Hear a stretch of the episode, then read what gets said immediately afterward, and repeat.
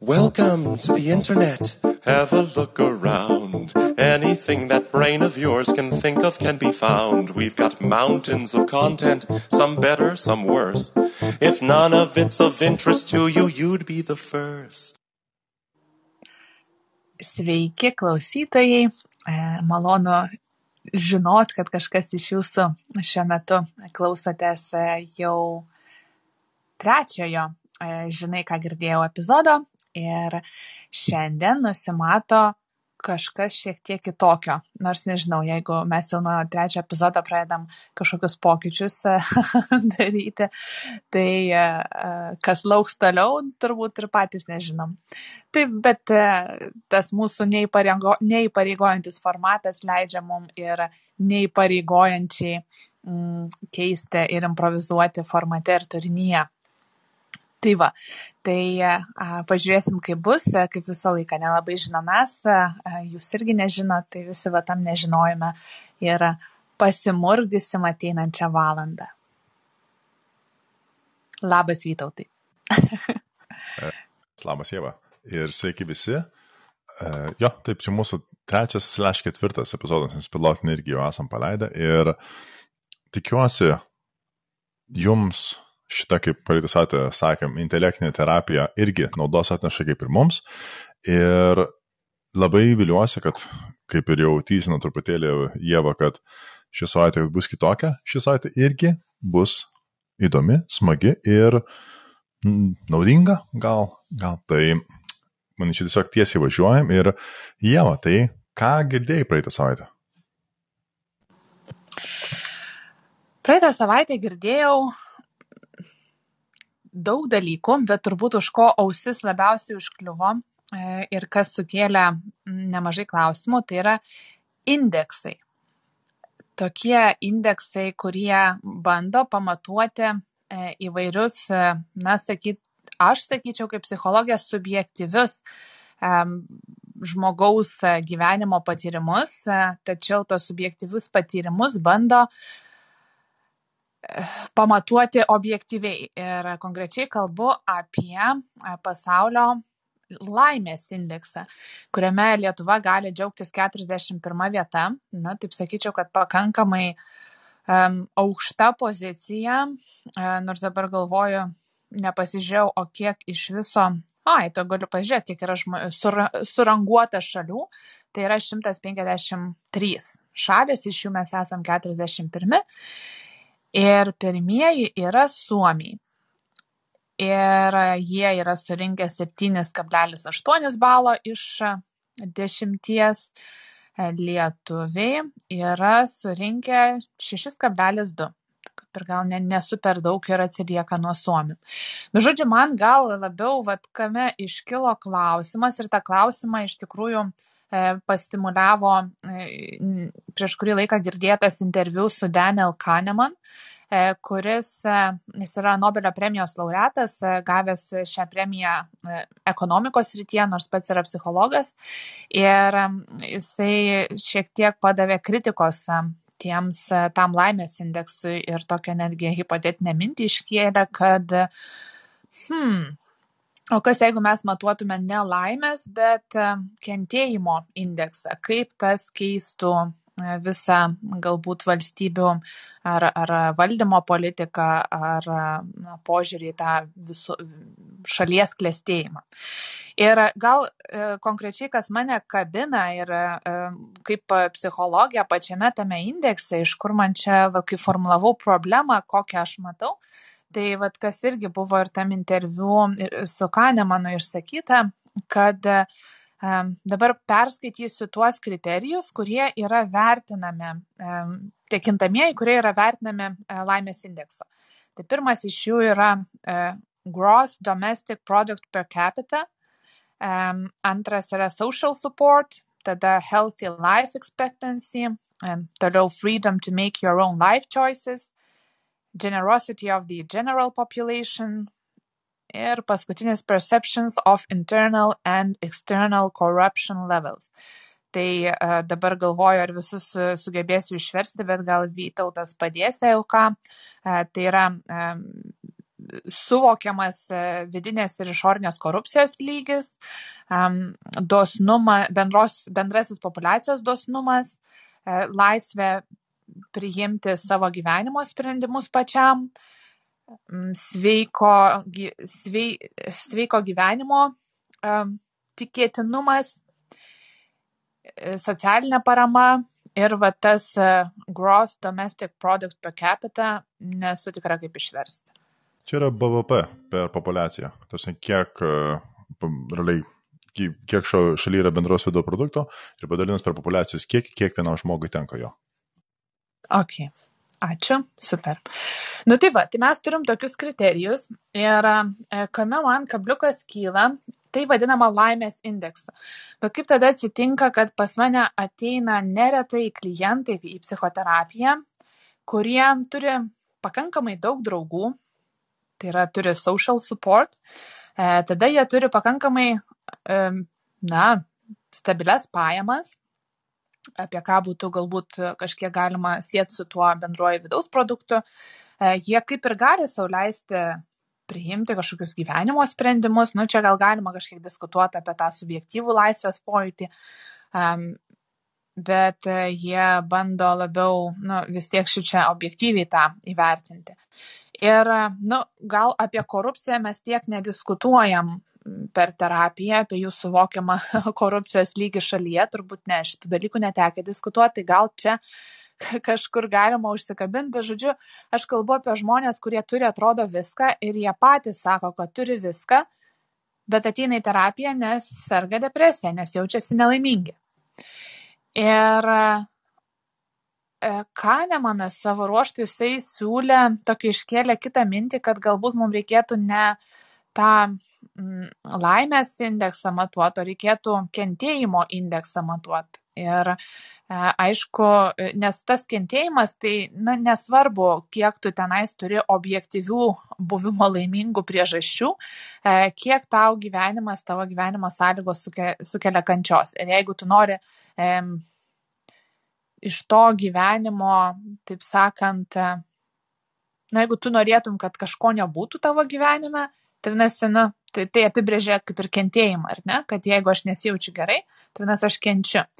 Ir vat, kaip tada, ir jis kažkokiu daugiau tenais labai neplėtojo tų, to, tos minties, bet man gal irgi tokia privertė pagalvoti, um, kaip visgi nu ką reiškia matuot va būtent tokiais kriterijais paremtą e, laimės indeksą ir kiek jis iš tikrųjų atspindi žmogaus laimės pojūtį ir ar yra kažkokių alternatyvų, kaip galima visgi pamatuoti, kiek valstybės žmonės yra laimingi.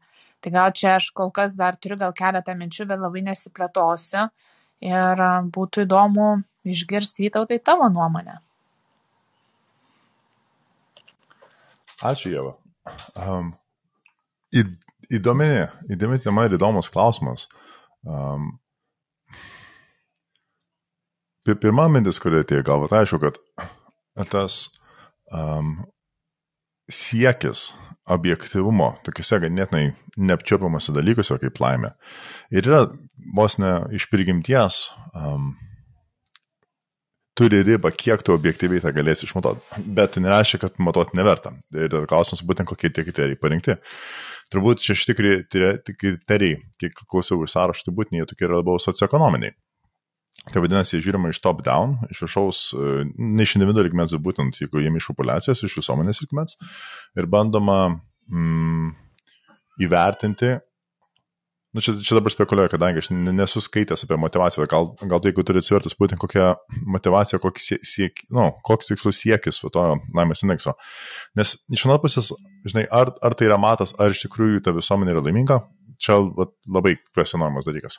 Ar tai, jeigu, tarkim, tai yra matas, kokia yra tikimybė, kad tu gyvenamas tokioje visuomenėje būsi laimingas, tada skaičius yra mm, neblogas, bent pagal mano tokią pirminę analizę um, faktorius, kurį tą gali daryti. Nes, nu, jeigu pavyzdys, tarkim, tu pasimsi, uh, ten, aš neatsimenu, kas ten apačioje, ir ten, man atrodo, Somalis, Šiaurės Koreja, kitos valstybės. Nu, čia, aišku, yra ekstremi, bet nuo ekstremų galima pradėti visą laiką analizę. Tai jeigu tu paėmė tenais, tai pasižiūri, tokia šaly gyvena kaip tose, um, tikimybė, kad tu būsi laimingas yra ypatingai maža. Kaip ir, tarkim, galėtum, dėl to spėjai tenais tas laimės indekso vienetas, ar, ar vieną ar nulį, nežinau, koks, nu, koks žemiausias. Jeigu, tarkim, pasiemi bet kurią Europos valstybę, kuri turbūt yra tarp pirmų 50, net ir tos, kurios yra sociopolitiškai, tarkim, silpniausios šiuo momentu, net ir jose, sakyčiau, turbūt tikimybė, kad tu gali būti laimingas yra didesnė, būtent iš socioekonominės pusės. Ir ar, ar tai yra geriausias būdas tą išmatuoti? Nežinau. Ar tai yra geriau negu nieko? Turbūt taip, nes tai galimai irgi jau indikuoja kažką naudingo. Ir paskui apie šitą indeksus pilimasą man kilo kitas tokias paralelės, kur irgi tokie indeksai naudojami, kurie bandoma lygiai taip pat objektyvinti subjektyvų dalyką, kaip pavyzdžiui skausmas. Yra nu, medicinoje skausmo indeksai, kurie irgi um, nežinau kaip įvertinti, nes kiekvieno žmogaus irgi uh, interpretacija, kas yra labai, skaus, labai skausminga ar mažai skausminga, labai labai skiriasi. Nu, tai irgi toks yra ypatingai neapčiopiamas dalykas, kur bandoma ieškoti kažko, kadangi net ir tas um, ne visai objektivus, bet dalinai objektivus matas vis tiek padeda medikams nu, orientuotis ir um, planuoti į tikslingai terapijas. Tas pats kaip. Aš gal čia prie medikų to skausmo indekso, tai nu, noriu gal patikslinti ar, ar, ar pabrėžti, kad e, jisai subjektivus skausmo indeksas yra, ten ne, ne, nematuojamas, nu, nėra būdo objektyvų skausmą pamatuoti. Ir žmonės, e, gydytojai visą laiką klausia 10 balų skalėje, e, kiek tau dabar skauda, kai nulis yra visiškai jokio skausmo, o dešimt e, nesuvokiamai didžiausias skausmas, kokį tu esi visą gyvenimą patyręs. Jo, nuostabu. Ir, ir tai būtent, tai yra, jo, kaip sakyti, žemo objektivumo jau yra matas naudojamos tai vietai. Vien, vien tas elementarus nuo 0 iki 10 jau skaičius yra matas šioks toks. Nes jeigu, tarkim, tai būtų tiesiog apibūdink savo skausmą, tai jau skaičius čia, kurią dar subjektyvesnis būdas tą įvertinti dalyką, o jau kad jį būtinai kažkokį skaičių padidinti, tai jau yra objektivumo truputėlį, nors ir, ir relatyviai tik vis mąstant apie tą vieną individą. Tai taip, o, o kitas, pažiūrėjau, irgi ten, tarkim, tas yra, jeigu keliaujat tarp valstybių, yra tas teroro pavojaus uh, indeksas, nu, realiai irgi tikimybė. Ir aš irgi neįsivaizduoju, kaip jie tą paskaičiuoja, bet tarkim, aš atsimenu, prieš kelis metus um, keliavau iš Anglijos į Ameriką į konferenciją Ir mane nustebino, kažkaip žiniuose visą laiką matai, kad nu, ten Amerikai vairiausius baisus dalykai vyksta, vis kitų, kaip sakyt, civiliniai ir visuomeniniai neramumai. Ir mane kas nustebino, kad va, būtent tuo metu kelionė, Amerika buvo ta saugesnė valstybė, kurią keliauji, negu grįžti į Angliją. Anglija turėjo daug didesnį pavojų, pavojaus tą ten yra pagal spalvas nusakytas, žodžiu, tai buvo aukštesnio pavojaus spalvos Anglija kaip valstybė negu, tarkim, to, tuo momentu e, Junktinės Amerikos valstijos. Ir tada aš irgi, aišku, ne, nepastebėjau, kaip jie tą įvertina, bet irgi man, kažkaip, atrodo, kad ten yra bandoma apie tokį subjektyvų dalyką kaip įsivaizduojama baime, ar tikra baime, ar e, tas e, nežinojimas, ar kad kažkada kažkas gali įvykti ir ta, tas rizikos įvertinimas, pabandoma kažkaip irgi objektyvinti, kas vėlgi tiesiog gal tai padeda truputėlį, nu bent kažkokius atskaitos taškus turėti konstruktyvesniai diskusijai, negu tik tai, žinai, mm, nuomonėmis žarstytis. Nu, va, ant tų žodžių dabar, va, kažkas pas tave kambarį matyta mažasis skausmą išgyvena ir kenčia. Na, čia jau kaip sakant, that is life, nieko nepadarysi. o tai jo, tai jau tokias mano mintis. O kita mintis, pat irgi įdomu, kai tu tą paralelę darai tarp, ar, ar tarkim, toks matavimas vienetas, kaip laimės indeksas atspindi būtent žmogaus laimę. Ir sakai, kad būtent tavo profesionaliai praktikoje, net tas žmogus, kuris ale pagal tą indekso matavimo vienetus turėtų būti laimingas, jis nėra laimingas.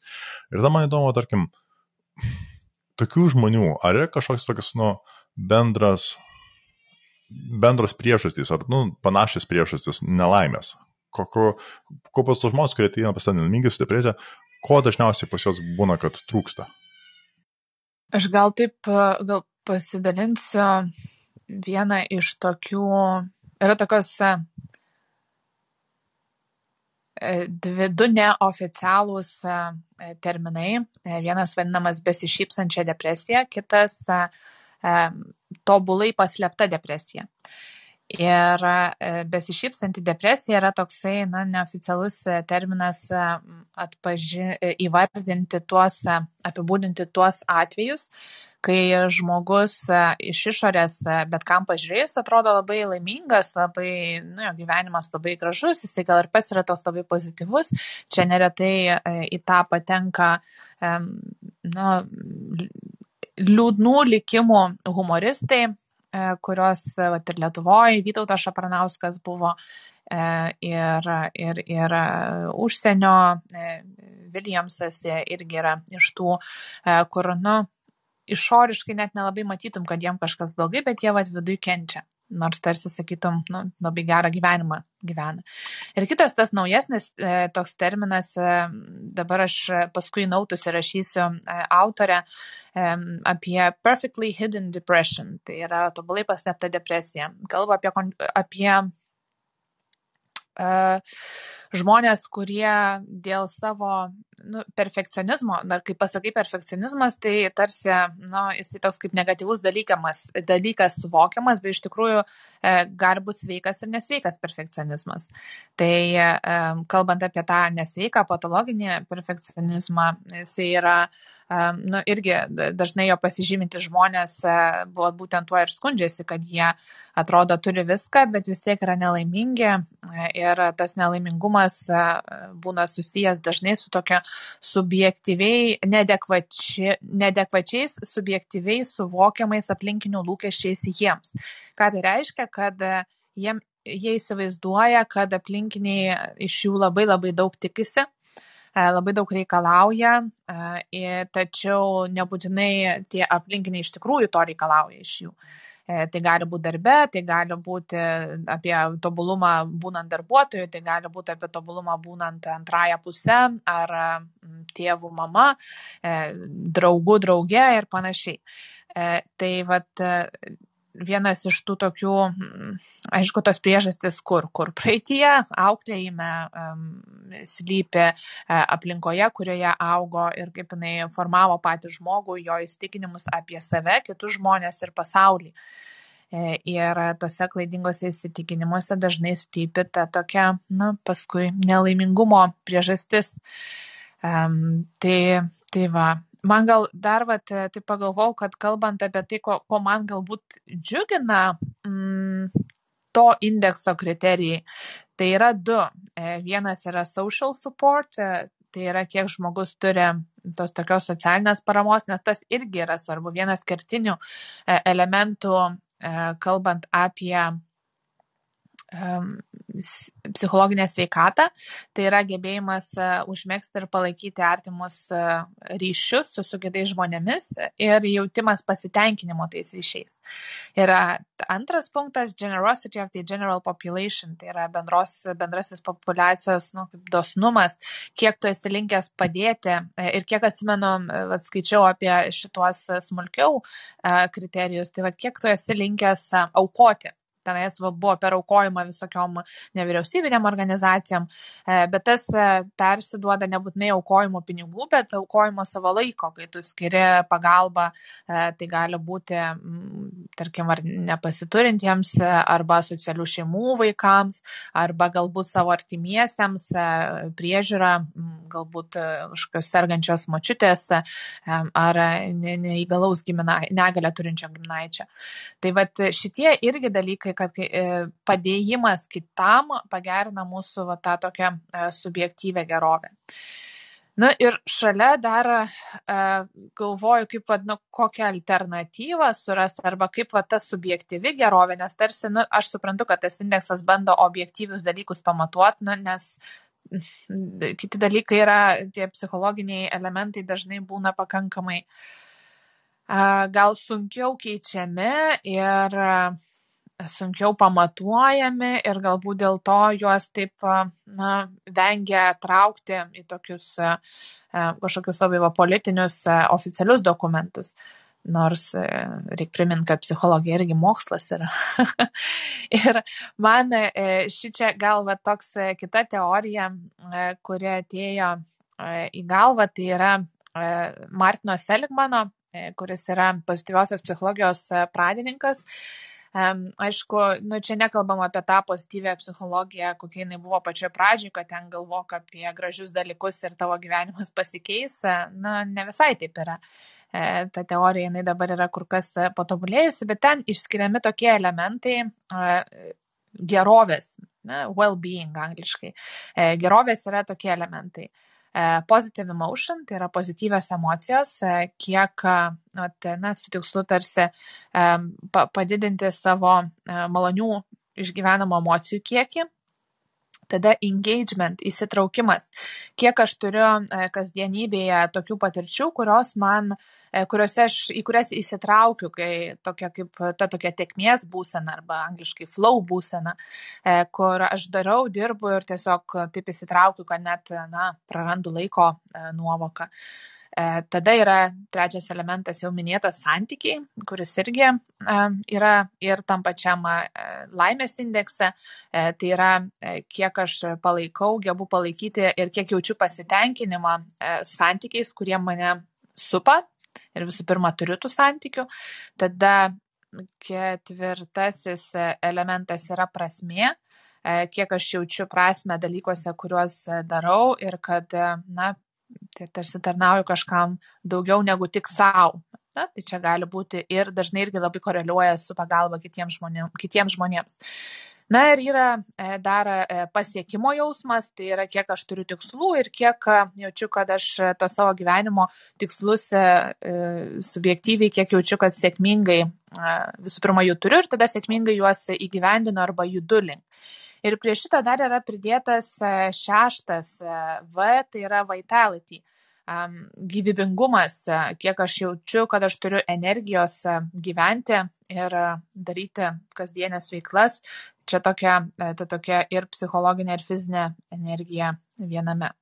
Tai va, tai man čia toks yra papildantis ir gal šiek tiek išplečiantis tą tokią laimės savoką. Aišku, aš savo kaip psichologė leidžiu galbūt šitoj vietoj kalba, na, ne, negalvo tiek daug apie objektivizavimą ir e, jo, apie kurį norėtų kalbėti ir galvoti politikai. Tai va, turbūt gal toks dar papildymas. Labai įdomu. Ir aš dabar, kai klausau ir galvoju, kad realiai, man atrodo, yra dvi fundamentaliai skirtingos perspektyvos, per kurią galima va, tokį dalyką kaip laimės indeksas žiūrėti. Ir tada iš vienos pusės jis atrodys kaip labai geras iš dalies sprendimas, iš kitos atrodys, kad visiškai nuo realybės nesutinka.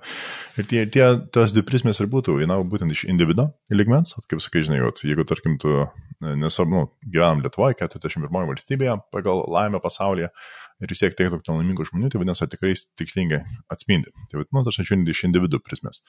Iš kitos prismės, o būtent būtų žiūrėti iš uh, visuomenės rimės, tokio statistiško vieneto valstybės ir kaip joje mes galime pagal įvairius valstybinius mastus, kurie yra um, pagal statistinius principus tiesiog tą visą vadinamą duomenų triukšmą įpanaikina ir tiesiog mes turime tokius, kaip sakyt, grubius a, iš dalies, bet objektyvius skaičius.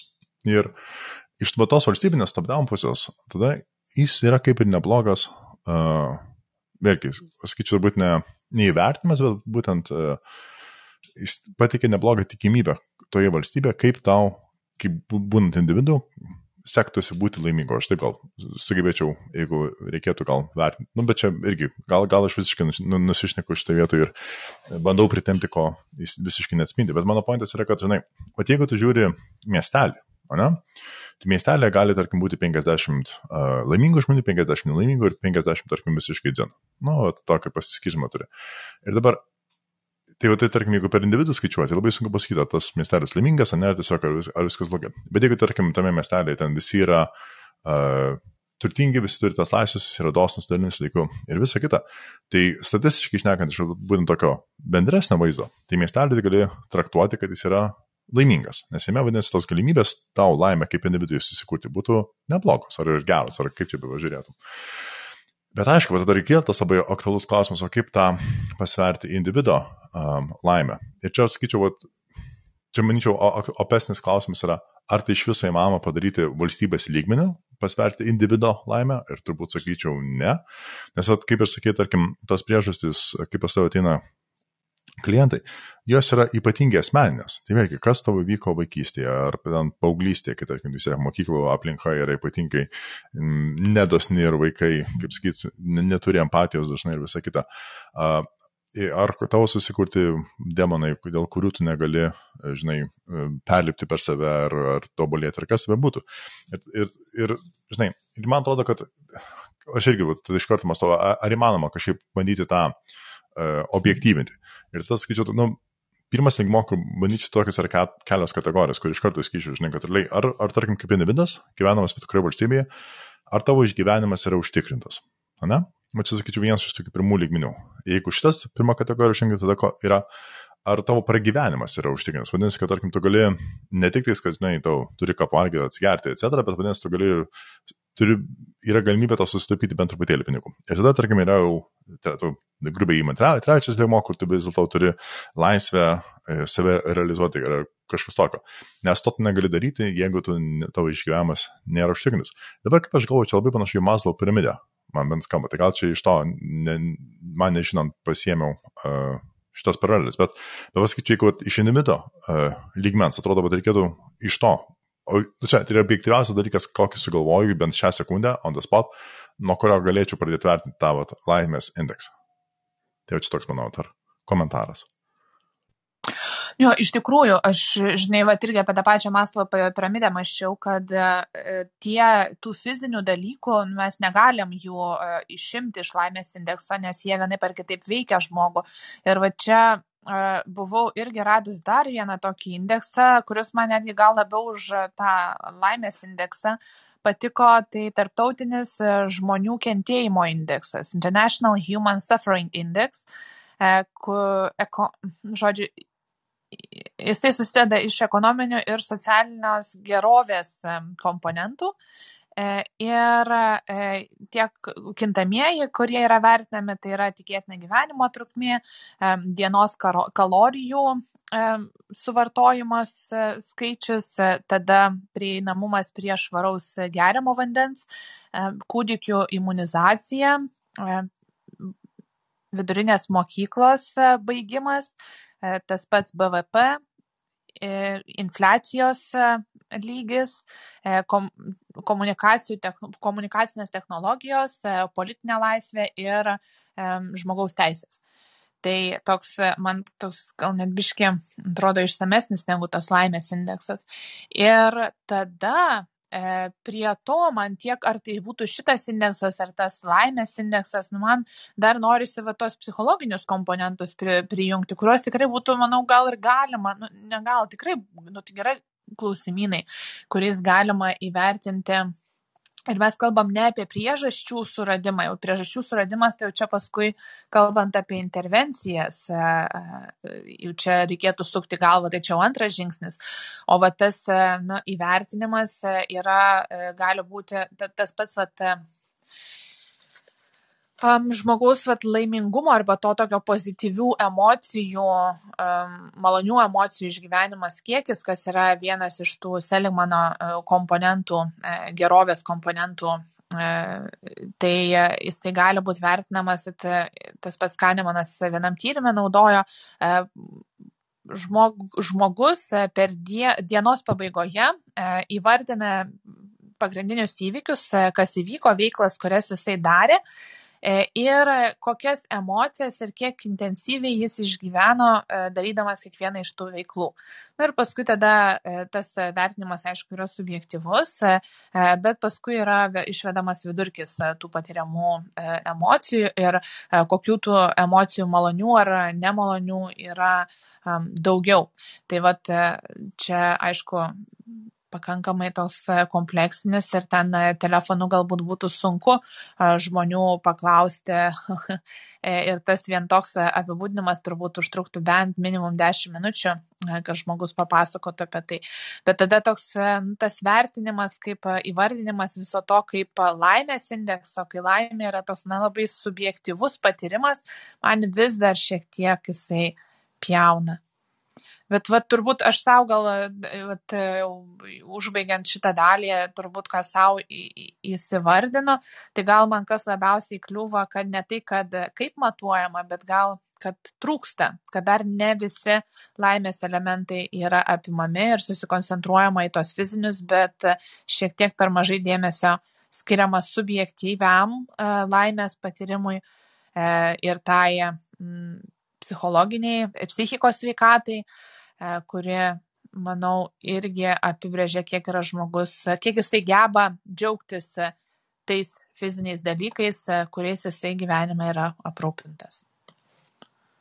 Valstybės yra aprūpintas. Jo, sutinku. Ir klausimas, o kaip tą pamatuoti. Nes, žinai, net ir toj, kaip aš sakai, žinai, man iš karto klausimas galvoje kilo, kad kai, tarkim, dienos gale pasakyti, ką nuveikė ir kokias tavo emocijas sukėlė. Paskui į vidurkį išvesti. Tai vadinasi, jeigu vidurkį vedyti, tai vadinasi, kažkokią skaitinę reikšmę jau pridėti kažkokią emociją. Tai tarkim, vienas, du, penki, koks tai būtų žodžių skaičius, e, specifinė emocija. Manau, kaip tą išsivedė. Ir čia toks atrodo visiškai floating dalykas. Ir gal yra kažkokie modeliai, apie kuriuos aš visiškai nežinau, bet vėlgi, taip, sakau, šią minutę galvojant, aš nesugalvočiau jokios objektyvios skalės, pagal kurią aš galėčiau nusakyti, um, ant kiek ta emocija, kurią jaučiu, yra pozityvi ar negatyvi. Ir čia kitas dalykas, turbūt irgi dar sakyčiau, labai daug atsirėmė būtent į žmonių emocinį intelektą, ar, ir, ar jie iš tikrųjų geba pirmą atpažinti, kokias emocijas jaučia, antrą atpažinti jų intensyvumą ir trečia, jas ar apibūdinti kitam žmogui. Ir nes realiai, jeigu nori tą valstybės mastui padaryti, vadinasi, tavo bendras emocinis išprusimas visuomenės turi būti pakankamas, kad visus šitus tris dalykus galėtum padaryti. Ir šiuo momentu aš esu labai skeptiškas, kad yra bent viena pasaulyje valstybė, kurioje visa visuomenė yra pasiekus tokį lygmenį. Žinai, man dabar e, gerai kilo mintis, kad e, tas indeksas, jeigu mes žiūrim pagal tą pačią Maslow piramidę, e, jisai puikiai pamatuoja nu, jisai yra pakankamas matuoti e, tą laimę tų žmonių, e, tų šalių, kur iš tikrųjų, nu, kurios yra tam paskutiniam e, turbūt 50-uke e, ir ar, ar galbūt, nu, tarkim, paskutiniam 50-uke, kur iš tikrųjų e, didžiausias e, kliuvinys e, laimė ir tam kentėjimui sumažinti yra tiesiog geriamo vandens turėjimas, e, galėjimas leisti vaikus į mokyklą ir panašiai. Bet tie, kurie jau sugebėjo šitos dalykus įveikti ir čia kokiam žaidime užkopti į tą pirmąjį penkisdešimtuką, tai gal užteks tenais džiaugtis tais visais, e, žodžiu, kad aš čia vat, pirmas ir mums nebereikia stengtis, nu, kas galbūt tos, gal tos valstybės to ir nedaro. Ir judėti link kito indekso, E, kuris vat, jau būtų tas labiau kompleksiškas ir va, tai, ką tu kalbėjai, e, galėtų vertinti ir emocinį intelektą ir panašius dalykus. Ir tada dar kitą, ką norėjau pataisyti ir žinau, kad tu tą žinai, e, bet, na, Įvardinsiu ir klausytojams, ką tikrai visą laiką stengiuosi taisyti, nėra neigiamų ir teigiamų emocijų. Nes kai mes emocijas e, vadinam teigiamom arba neigiamom, mes suponuojam, kad e, vienas yra geras, o kitas yra blogas. Visos emocijos yra reikalingos, jos visos turi savo funkciją, apie tai bus galima kada kitą kartą galbūt pašnekėti. E, ir tik tai būna malonios ir nemalonios emocijos. Ir neretai mes norim vengti nemalonių emocijų ir daugiau patirti malonių. Ačiū, kad patikslinai. Tada šiokia būtų vėlgi, kaip, kaip tą vidurkį išvedė a, to nemalonumo ar malonumo emocijos, kurias jie patyrė. Nes vėlgi čia, nesakyčiau, dar a, painesnis dalykas, kurį reikėtų bandyti išstudijuoti. Gal tai padarė ir viskas tvarkoja, kad kadangi nežinau šitų tyrimų, tai detaliau ir komentuoti nelabai turi vietos. Tai čia tas yra lygiai taip pat, kai sakėm vat, apie tą skausmą, kaip gydytojai vertina žmogaus skausmą, kas yra prašo subjektyviai vertinti 10 balų skaliai. Tai tos emocijos irgi labai labai subjektyvus patyrimas ir vertini tą subjektyvų patyrimą kažkokiais objektyviais kriterijais. Bet jau kadangi žiūriu dabar tas laikas jau čia manau tikrai baigėsi ir noriu išgirsti dar ir tave vytautai, tai ir klausiu tavęs ką šią savaitę išgirdai, perskaitai, sužinojai. Ačiū, Jeva. Um, įdomu, kad mūsų tema šią savaitę liečiasi, ne taip kaip praeitą savaitę, kai kalbėjome apie vakcinas ir muziką, kuri visiškai atrodo uh, skirtingose barikadų pusėse, na, ne barikadų pusėse, bet labai skirtingos kelius nuėjo. Um, šią savaitę, šią ar praeitą savaitę, uh, aš pradėjau skaityti naują knygą. Uh, ji vadinasi False Alarm uh, How Climate Change Panic Costs Us Trillions, Hurts the Poor and Fails to Fix the Planet. Ja prašė Bjorn Lomborg, Tai vadinasi, jeigu lietuviškai išverčiu, tai būtų e, neteisingas pavojų signalas, kaip klimato kaita, kaip klimato kaitos panika mums visiems kainuoja trilijonus, e, dėl to kenčia e, skurdų žmonės ir, ir dar nepataiso planetos. Tai realiai knygoje stengiamasi um, pateikti argumentus, kurie būtent grįsti mokslinė literatūra ir tyrimais, ir ar tai būtų ES ar, ar, valstybė, tačiau ar tautinėms organizacijomis, ir, ir realiai įvertinti klimato kaitos um, poveikį iš ekonominės pusės. Ir, ir ten grinčiasi uh, įvairiais modeliais, įvairiais skaičiavimais, tu prasme, irgi ten yra ir Nobelio premijų laureatų modeliavimas, ta metodologija gan, ganėtinai gražiai paaiškina. Nu, ir, kaip sakyt, daug toje vietoje um, skaičių informacijos, kurios aš nebuvau girdėjęs gal iki dabar. Tarsi, klimato kaita, tai kaip sakyti, jie to knygų irgi sako, čia mes visi žinom, kad e, žmogus į, prie jos stipriai prisideda, tarsi, ir jam dėl, dėl mūsų žmogaus uh, sukeltų uh, pramonės ir, ir visų kitų veiksnių jį vis dėlto keičiasi ir mes tą matome. Tačiau sako, kad būtent tie klimato kaitos aktyvistai, jie labai dažnai sutiršina vanį ir sutiršina iki labai mm, neproduktyvių lygmenų. Tai Ir vienas iš to vietų yra argumentų, pavyzdžiui, kad yra toks, toks efektas kaip global, global greening, tai yra pasaulinis žalėjimas, kuris irgi vyksta kaip pasieka um, globalinio atšilimo. Nes globalinis, globalinis atšilimas pagrindai yra būtent sukeliamas dėl anglės dvideginio pertekliaus ir jo, jo, didėjančio kiekio mūsų atmosferai. Čia vienas iš pagrindinių mechanizmų. Tačiau um, augalai naudoja anglės dvideginį, kad patys galėtų klėstėti, aukti. Ir kaip pasiekmė, per paskutinius kelis dešimtmečius ir NASA e, satelitų duomenys tą patį parodo, kad iš tikrųjų pasaulis yra žalesnis negu buvo, aš neatsimenu dabar, kuriais metais, bet peros 20-ojo amžiaus pradžioje. Bet kai turime minį žalesnis, vadinasi, yra tiesiog pagal plotą daugiau žalesnio ploto visoje planetoje negu buvo tada. Ir, ir dėl to, kad būtent tas e, didesnis anglės dvideginio kiekis vis dėlto, vadinasi, e, augalams yra jo perteklius, jie gali drąsiau jį naudoti, gali savo aukti ir, ir kaip panašiai yra toks efektas. Aišku, čia žiūrint tiesiog visos e, planetos mastu. Jeigu ten žiūri specifinius regionus, tai taip, vieni regionai yra labai suvešėję, kiti visiškai išdžiūvę, irgi ten sakoma, būtent vienose regionuose tai yra potiniai, kitose sausros, bet jeigu ten irgi žiūrint statistiką, atrodo, kad bendrai globaliai paėmus, um, tarkim, ten tų potinių ar sausrų kiekis jis realiai nekinta, statistiškai išnekant. Um, jis yra panašus, arba net vietomis yra jų mažiau, tačiau yra didesnį intensyvu. Ir ten kitas dalykas, kas irgi buvo, pavyzdžiui, labai aktualiai um, akcentuojama, kad kai sako, kad, o, čia dabar atėjo, žinai, jau uraganas koks nors, nusibė miestą, kas aišku yra tragedija, ir sakant, ten mirė, tarkim, tūkstantis žmonių. Dėl to, bet dabar tokių uraganų vis daugėja, ten, tarkim, kurie ar ten sunekoja milijardo e, eurų vertės žemės pastatų, kas tai bebūtų. Ir sako, taip, tai yra tiesa, bet sako, ką reikia nepamiršti, kad um, čia yra, kaip sakyti, lyginami ne, ne, ne, vienodi dalykai. Nes ta pati teritorija, tarkim, kuri buvo prieš šimtą metų tenais, ten gyveno, tarkim, šimtas žmonių, o dabar gyvena dešimt tūkstančių. Tai vadinasi, kaip pasiekmė e, procentaliai, kiek tų žmonių, tarkim, mirė per uraganą turbūt nedrastiškai sumažėjo dėl įvairių kitų veiksnių, kurie atsirado, tarkim, e, stipresni namai, nes, tarkim, pakilo ekonominis nes žmonės galėjo nelūšnose medinėse gyventi, o mūrinėse namuose, kurie atsparesni uraganams, tai, tarkim, yra galėjo pot, tas užtvankas pasidaryti ir panašiai.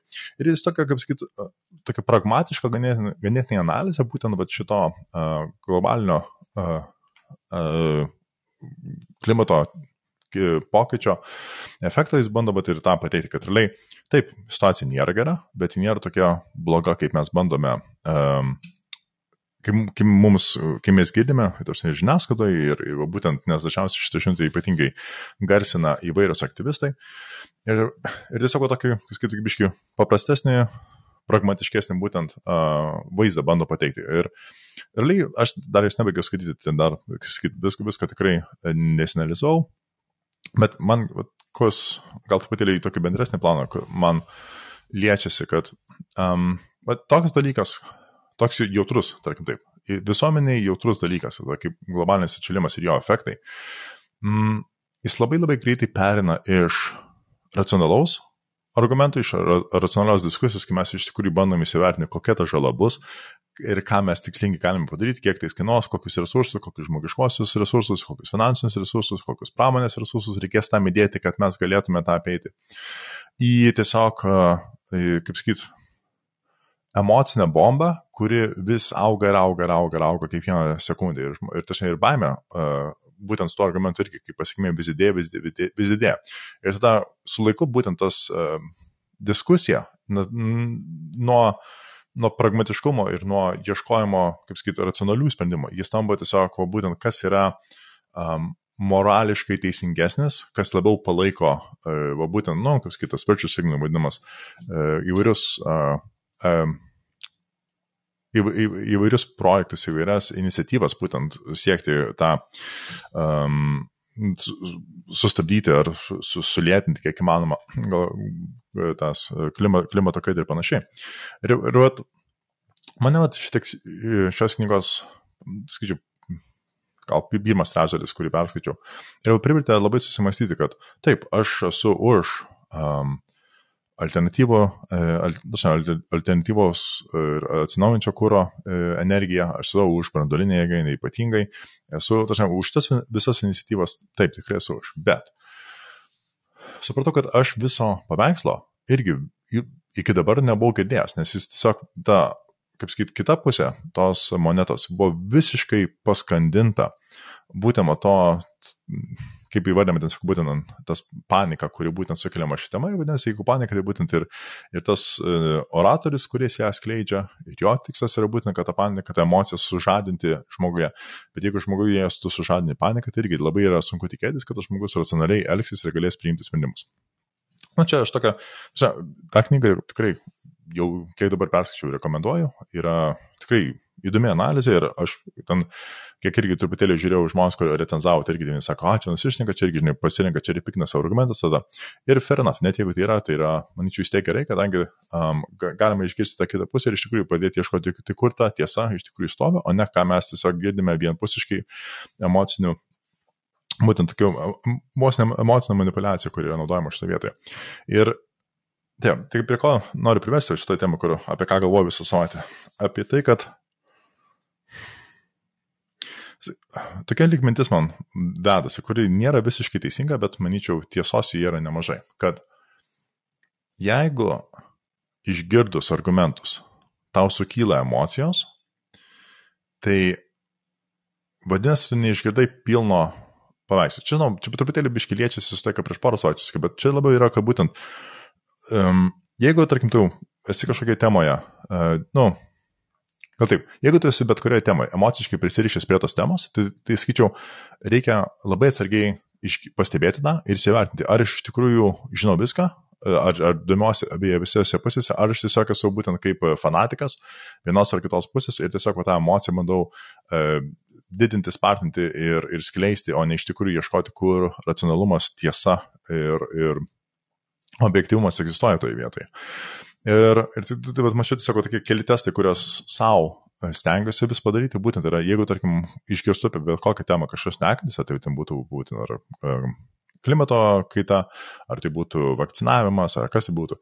Ir jeigu tose vietose man sukyla emocijos, tada mano, pirmą, nu, kaip sakyti, tai yra gerai, kad tai geris yra, vadinasi, man tas rūpi, bet iš kitos pusės aš galvoju, a, čia turbūt yra ženklas, kad um, aš neturiu pakankamai argumentų, kad galėčiau racionaliai at, nu, neatsikirsiu, bet racionaliai argumentuoti prieš tą pusę, kurią girdėjau.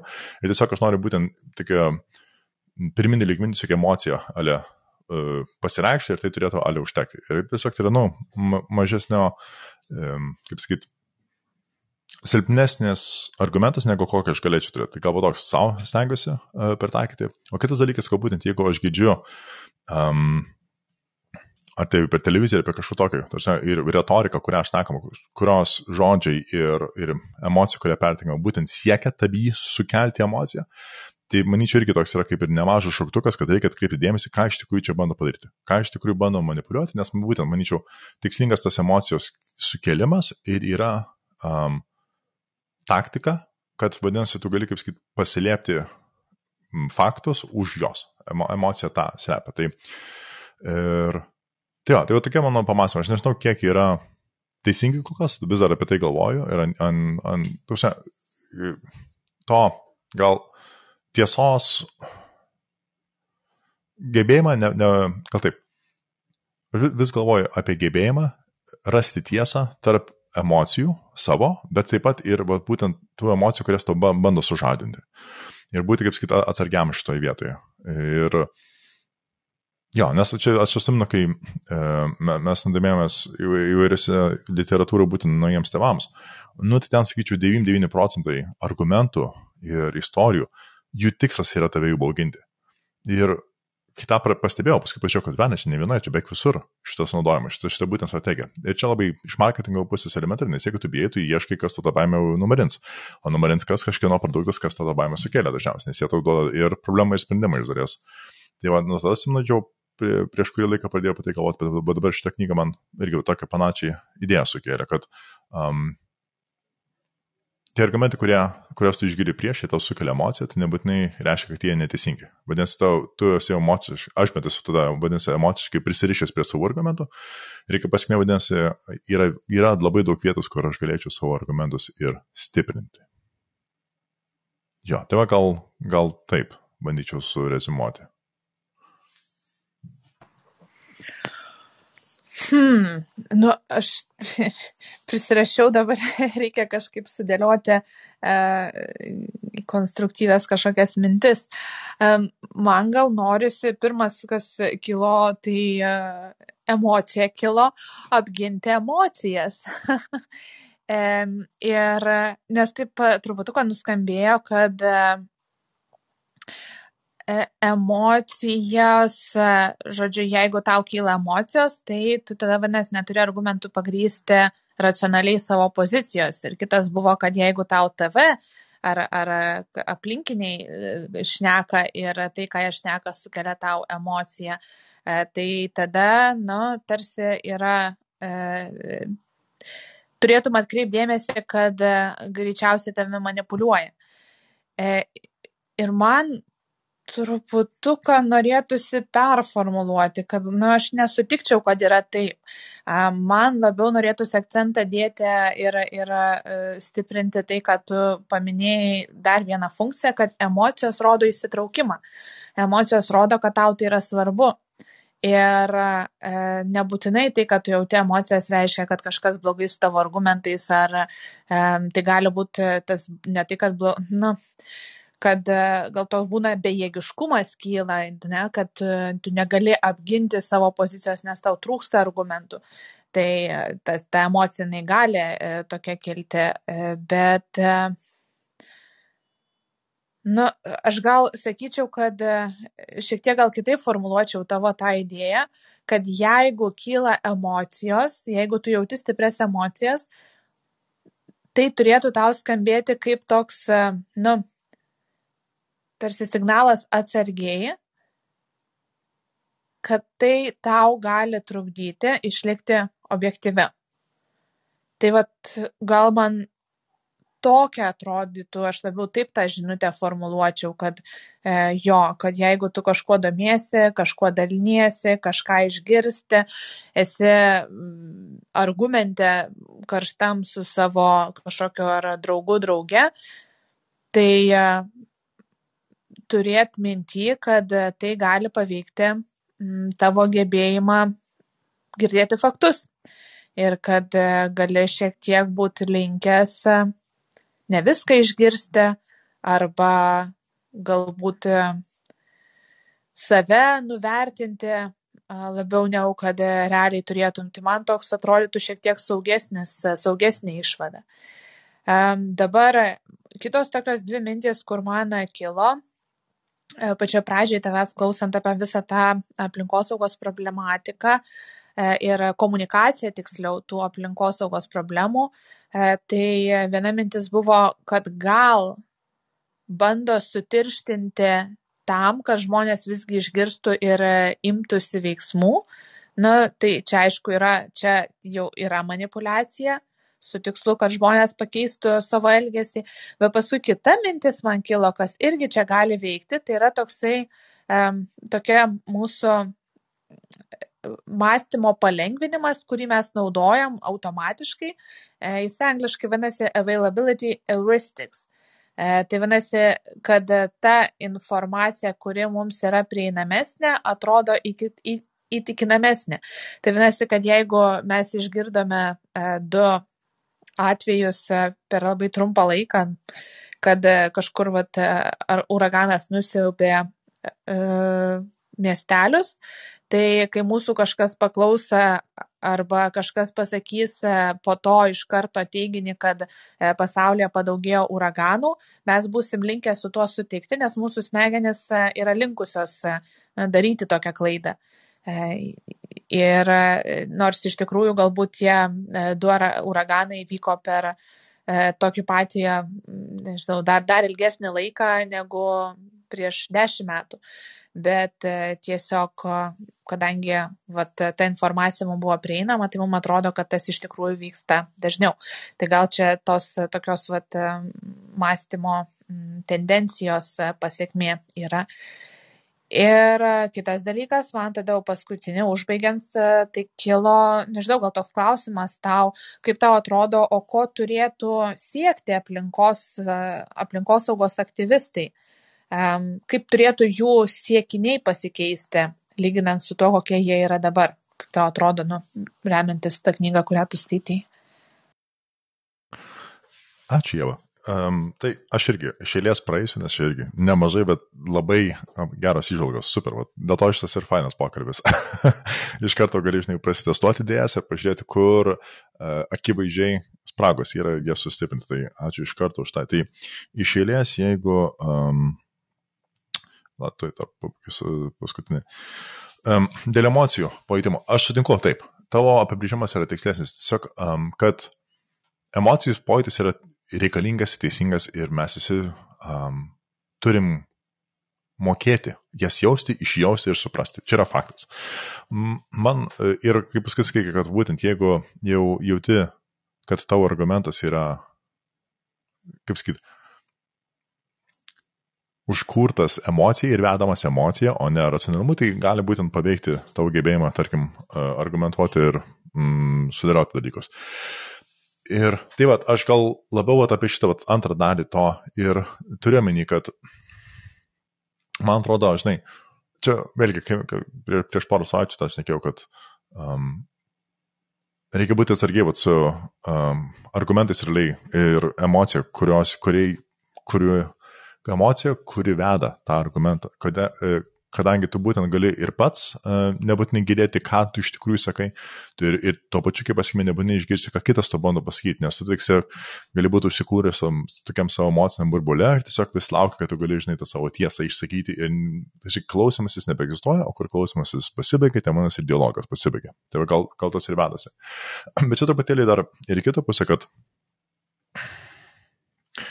Vat, būtent jeigu klausaisi žmogaus, ir jauti, kad pas tave kyla emocijos iš jo ar jos oratorikos ir retorikos, kurią naudoja, aš tada būčiau, sakyčiau, kad tai ir yra vienas iš tokių um, svarbių signalų, kad tiesiog biškai reikia gebėti tą žingsnį atgal dėti ir įsivertinti, kas iš tikrųjų vyksta. Kodėl aš jaučiu tos dalykus, kad vėlgi reikia atkreipti dėmesį ir būtent reikia išjausti emocijas ir identifikuoti, kokios jis yra.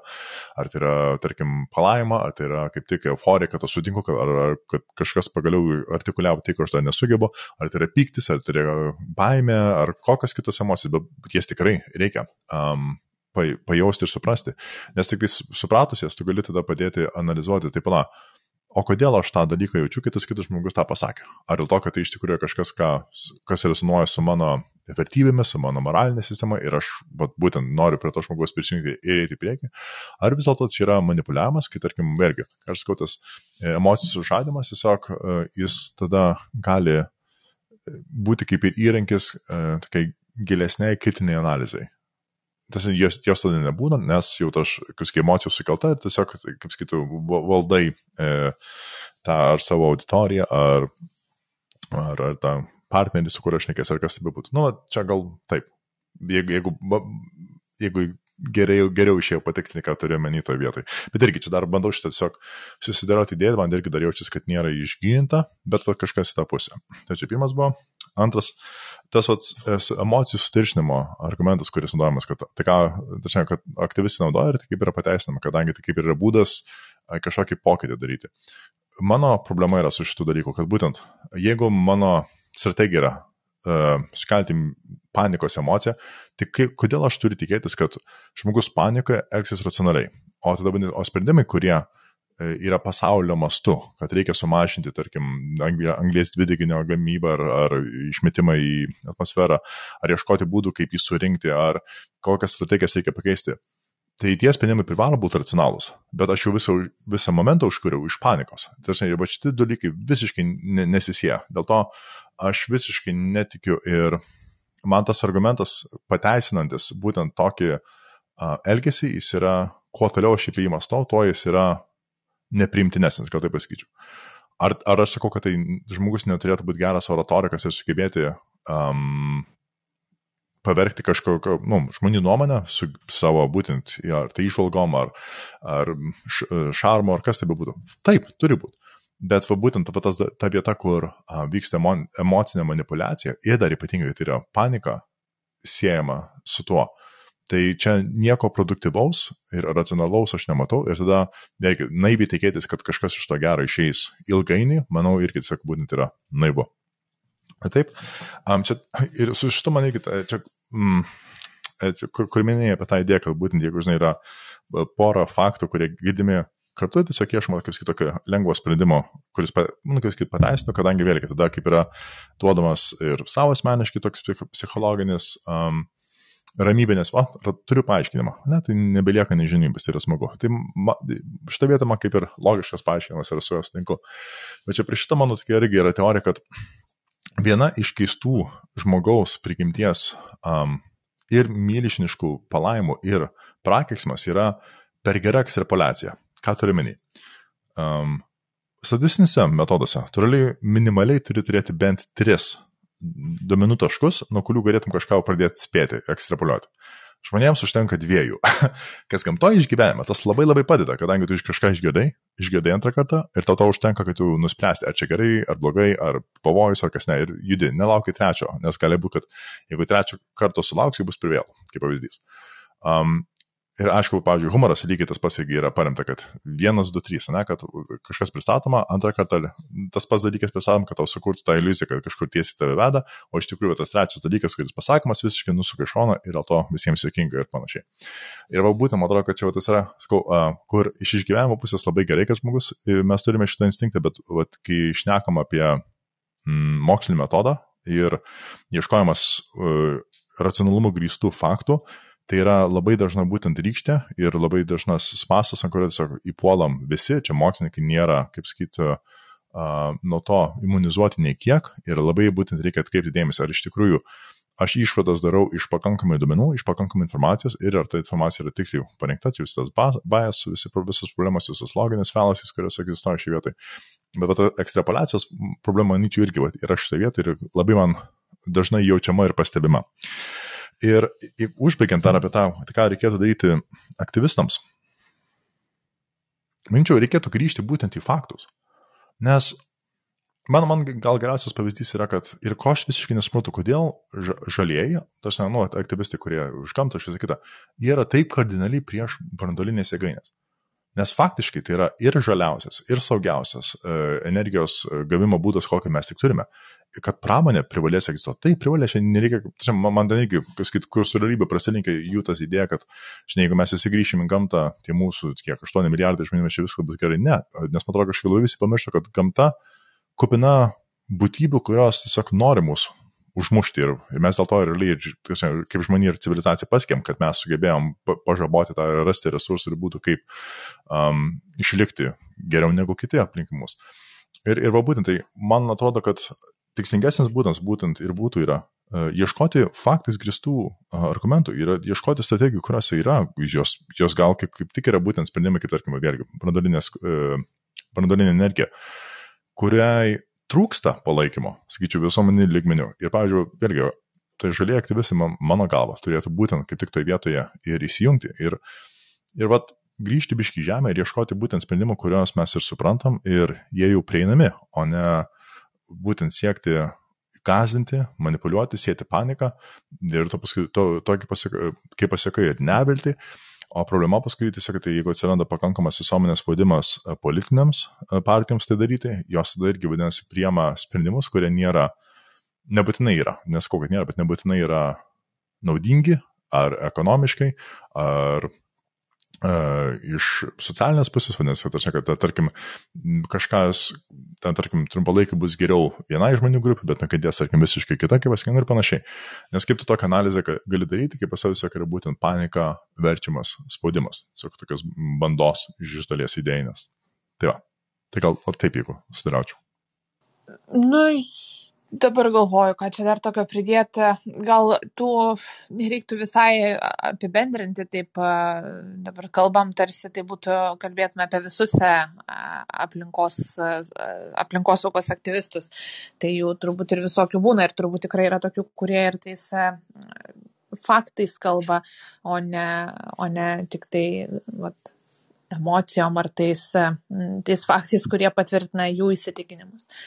Um, jo. Ką aš čia dar buvau pasižymėjus, ai, prie e, emocijų ar ne ir to manipuliavimo, gal norėjosi dar papildyti, kad šiaip e, emocijos nėra vienintelis būdas e, manipuliuoti mumis ir e, vien tai, kad tu kažkokį dalyką, pavyzdžiui, nu čia pavyzdžiui vienas pavyzdys, e, pamatysi kažkokį prekės ženklą vieną, antrą, trečią kartą, jis tau galbūt nieko nesakys, pamatysi tą prekės ženklą 30 kartų ir kai tau reikės pasirinkti, kokio e, prekės ženklo batus e, pirkti, tai didelė tikimybė, kad tu pirksi būtent tą, kurį tu matėjai, nebent tu aiškiai, aišku, esi apsibrėžęs, kuris yra tavo tam mėgstamiausias prekės ženklas. Bet e, kuo mums daiktas atrodo dažniau matomas, tuo jis mums labiau pažįstamas atrodo ir tuo mes esam labiau linkę jį rinktis. Tai ir tam visiškai nereikia emocijų, užtenka tiesiog kognityvinio elemento, tai yra matymo. Tai va, e, tai turbūt gal tiek ir norėjau pridėti. O dėl tų visų kitų dalykų, tai gal ne, gal daugiau ir, ir, ir kažkaip turbūt daugiau pritariu tam, ką pasakėjai, nei nepritariu. Aš dar tada mm, truputėlį pridėsiu prie to, ką tu pasakai. Um, jo, visiškai sutinku, kad e, emocinė manipulacija nėra vienintelė, e, kurią, į kurią reikia būti budriam. Čia yra faktas. Ir turbūt viena kurią nors savaitę būtų labai įdomu būtent padaryti apie tos dažniausiai randamus uh, biases, tas nusistatymus iš ankstinius, ar logical fallacies, tas lo, loginės klaidas, kurias mes pripažįstame. Na, čia mes jas žinom, bet jas uh, gal nepasėmėme, praleidžiame ir leidžiam jo, kad jos mus būtent paveiktų. Čia, manyčiau, būtų labai uh, irgi įdomi tema to vietoj. O kitas dalykas, kai sakai, dėl aktyvistų, kad ne visi naudoja emocijas. Sutinku šimto procentų irgi to vietoj, kad tikrai ne visi. Um, bet turbūt neturi nieko to pagrysti, bet mano prielaidai būtų tokia, kad kuo didesnė problema masteliu, kurią bando spręsti, tuo didesnė emocija naudojama. Nes, nes ir tuo didesnis noras, kad didesni pokyčiai įvyktų ir, ir tada būtent, kaip sakyti, jau jiem e, renkamasi ginklus, kurie turėtų daug didesnį našumą e, tą poveikį padaryti. E, tai nu, aš tokią grubę kreivę brėžčiau, nesakyčiau, jeigu, tarkim, žinai, išnekamės apie, tarkim, nu, kurią nors Lietuvos gyrę, kurie, tarkim, vyksta, ar statybos, ar kas, yra, aišku, irgi gamtos aktyvistų, kurie būtent siekia, tarkim, nu, kad ten uh, sengirės neiškirstų panašiai. Tai manyčiau, ten yra viskas, dažnai, daugiau negu, daugiau negu mažiau, būtent yra faktais grįsta, turbūt spėčiau, argumentai naudojami ir uh, ten net skaičiu turbūt ta kita pusė, kuri labiau žaloja ar nori apeiti, tos ten jie naudoja emocinį ar kitas manipulacijas, kad būtent išvengti tos atsakomybės savo. Bet dabar būtent skaičiu, kai didėja, tarkim, valstybės mastu problemos ar, e, tarkim, žemynų mastu problemos, ar jeigu visos planetos mastu problemos, tai iš vienos pusės, manyčiau, yra, kaip ir tu prieš tai sakai, žinai, e, jo, praeitą savaitę, kai sakai, žinai, tai yra tos standartinės problemos, standartiniai sprendimai naudojami kompleksinė problemos. Ir man atrodo, aš nežinau, ar yra žmogus planetoje, kuris suvokia, ant kiek planeta su visa jo, jie esančioje sistema nuo oro, nuo ekosistemų, nuo e, dietų iki ten žmogaus iki skuzdelės. Ant kiek tai yra kompleksinė problema. Ir jeigu tada žmogus ateina duodantis sprendimą, paprastą, aišku, kaip išspręsti planetos problemą, man atrodo, kaip sakyčiau, yra vienas iš lengviausių tokių šauktukų, galvoju, kuris turėtų įsijungti, kad turbūt labai ne. Nesakau, kad visiškai ne, bet tikrai nėra taip paprasta, kaip bandoma pasakyti. O taip, o taip, ir čia apie viską, ir apie žmogų, ir apie planetą, ir apie uh, dešimt žingsnių, kurie padės uh, uždirbti milijoną per metus. taip, gyvenimas nėra toks paprastas, bet mūsų protas uh, daro viską, kad tą gyvenimą kuo labiau supaprastinti. Ir dėl to kartais pasimaunam. Jo, ir dėl to, manyčiau, dar reikia būtent vis prisiminti Bet man gal vis prisimenu būtent, kuo mokslinis metodas yra toks unikaliai žmonijos sukurtas įrankis, kuris yra toks efektyvus, nes jame emocija neturėtų turėti vietos. Į turi, nes vėlgi ten, kaip sakyt, žmonės yra žmonės ir randa būtų kaip manipuliuoti, bet jeigu, tarkim, tu skaitai mokslinį straipsnį, pas tavai pristatyti tiesiog yra faktai, pas tavai yra pristatyti metodai, rezultatai ir tu gali tiesiai šviesiai pamatyti, ar čia yra logiška, ką padarė, ar ne. Ir tai turi būti skaidru. Ir šitas, vat, šitas mechanizmas, jis yra lėtas, jis yra nuobodus, dažnai jis vat, nėra seksitas, nu, ten yra, vis bando iš jo kažką išpūsti, o kažkokios milžiniški proveržiai, kurie įvyksta, bet jie įvyksta retai. Bet jomo būtent ta funkcija yra, kad ramiai, lietai, iš tikrųjų galime rasti sprendimus, kurie iš tikrųjų veiks, o ne grįsti būtent paniką, negrysti E, baime ar, ar kitais manipuliavimo įrankiais. Jo, taip sakyčiau. Ir va, skatinu visiems prisiminti, ar truputėlį gal detaliau pasidomėti, jeigu nesat susipažinę būtent, ką, kaip iš tikrųjų mokslinis metodas veikia. Štai man atrodo, Vytautai, aš ką nors pa, pa, padarysiu a, savo dalį apie emocijų a, žavesį, nes kažkaip jau taip šiandien, ne, ne tik šiandien, pastaruosius porą kartų visą tu tas emocijas mini ir vis kažkaip, nu, užtaikant tų tokių mm, jų a, tamsiųjų pusių ir man labai labai norėsis a, šiek tiek a, svorio ant kitos svarstyklių pusės padėti, kad tas išsilygintų a, ir, ir akcentą uždėti apie tas gerasias emocijų a, čia savybės ar geruosius aspektus. Tai čia turbūt mano toks pažadas. Būsiu labai dėkingas. ir čia tikrai, aš nesu kažkoks nusipirkęs, nesu žmogus, kuris esu um, vendetą turintis prieš emocijas. Emocijos tikrai, oi, koks yra kertinis mūsų žm kaip žmogaus uh, įrankis, kuris tiek naudos turi, tai yra neapsakomai daug. Ir tiesiog aš irgi, čia yra vienas iš tų, kaip sakyt, uh, Ačiū vėlgi, čia gal mano ta diagnozė kaip fiziko šioje vietoje įsijungia, bet, žinai, vis, ieš, ieško, vis ieškau kuo objektyvesnio modelio paaiškinti pasaulį ir bet kokią problemą. Ir dėja, dažniau negu ne, emocijos būna kliūdo toje vietoje, tačiau iš kitos pusės emocijos kaip tik būna tas kuras, kuris yra reikalingas, kuris ir padeda rasti ir identifikuoti, kur iš tikrųjų ta tiesa slypi, kur iš tikrųjų yra bandoma ją paslėpti. Ir, ir tas būtent tai, ir ta palaimos jausma, kurį, kurį gauni, kai išsprendi tas problemas, ar sužinai tai kažką naujo, kas atrodo buvo akivaizdu, ar, ar kaip tik ne, neakivaizdu ir sugebėjai rasti, tai yra fantastiška.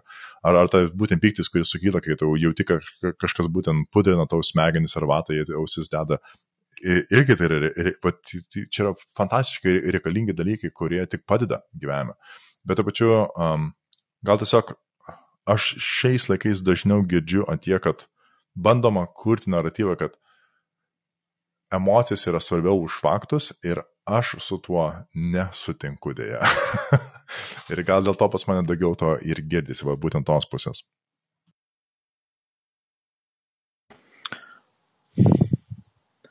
Tai aš tada norėsiu daugiau iš tavęs išgirsti apie tai, kur tas naratyvas yra, kad emocija už faktus.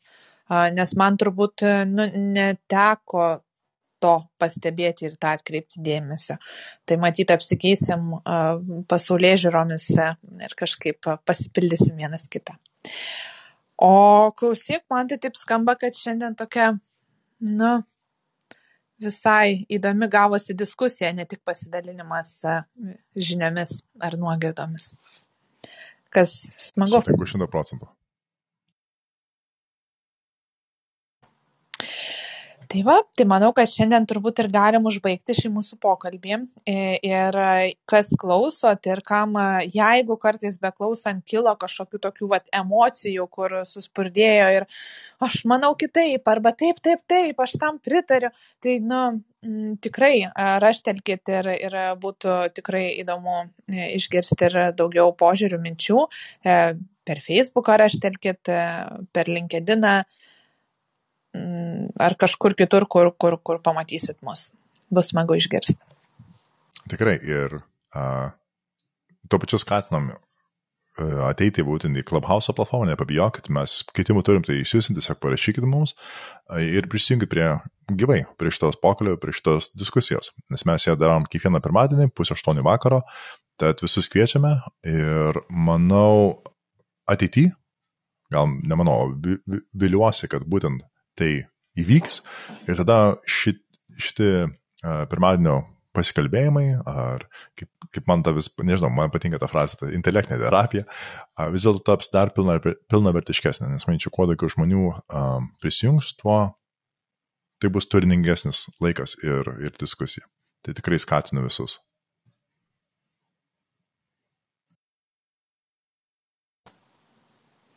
Metas, manau, mūsų užbaigimo džinglui. Gerai tada. Ačiū visiems, kad klausėte ir iki. Ir ačiū tau, Jėva. Ačiū tau, Vytautai. Iki. You have to live in the world to get to the truth.